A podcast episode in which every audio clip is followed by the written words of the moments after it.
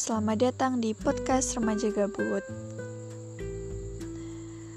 Um, pernah nggak sih berangan-angan ingin kembali ke masa kecil? Masa di mana yang katanya enak dan tanpa beban. Tugasnya hanya main, makan, tidur, sesuai arahan orang tua tapi waktu kan gak bisa diputar. Waktu selalu berjalan dan dia gak peduli kita siapa atau enggak dulu pernah gak sih bilang pengen banget cepet jadi orang dewasa biar bisa bebas? Biar bisa ngelakuin segala hal tanpa dilarang oleh orang tua. Tapi ternyata realita dan ekspektasi bertolak belakang. Saya rasa semakin kita bertambah usia, semakin banyak tantangan yang harus dihadapi dan dilewati.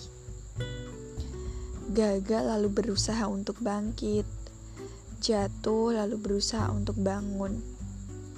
Dan banyak hal yang sebagian dari kita bingung cara mendeskripsikannya gimana.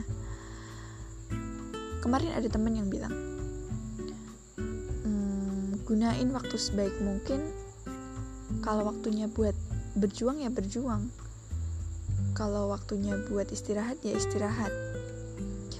Jangan sampai kamu menyesal di kemudian hari dan nyari pelampiasan buat disalahin. Padahal kamu sendiri yang salah.